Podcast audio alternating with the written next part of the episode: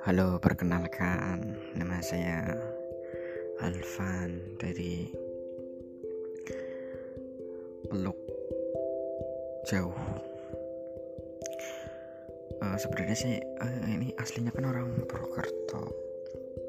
Aku pengen sekali kayak ngomong bahasa dengan bahasa bahasa daerahku gitu karena dengan ngomong bahasa daerah itu akan lebih murni maksud dari sesuatu tersebut.